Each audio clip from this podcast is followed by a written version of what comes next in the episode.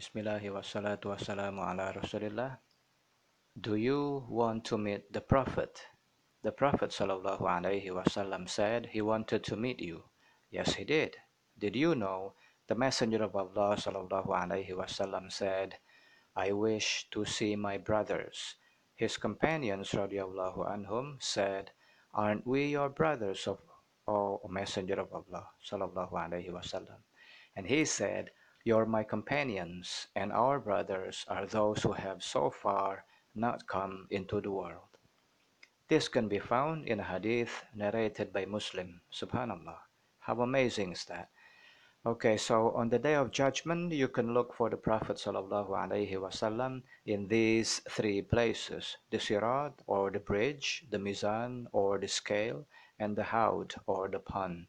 You won't miss him, inshallah.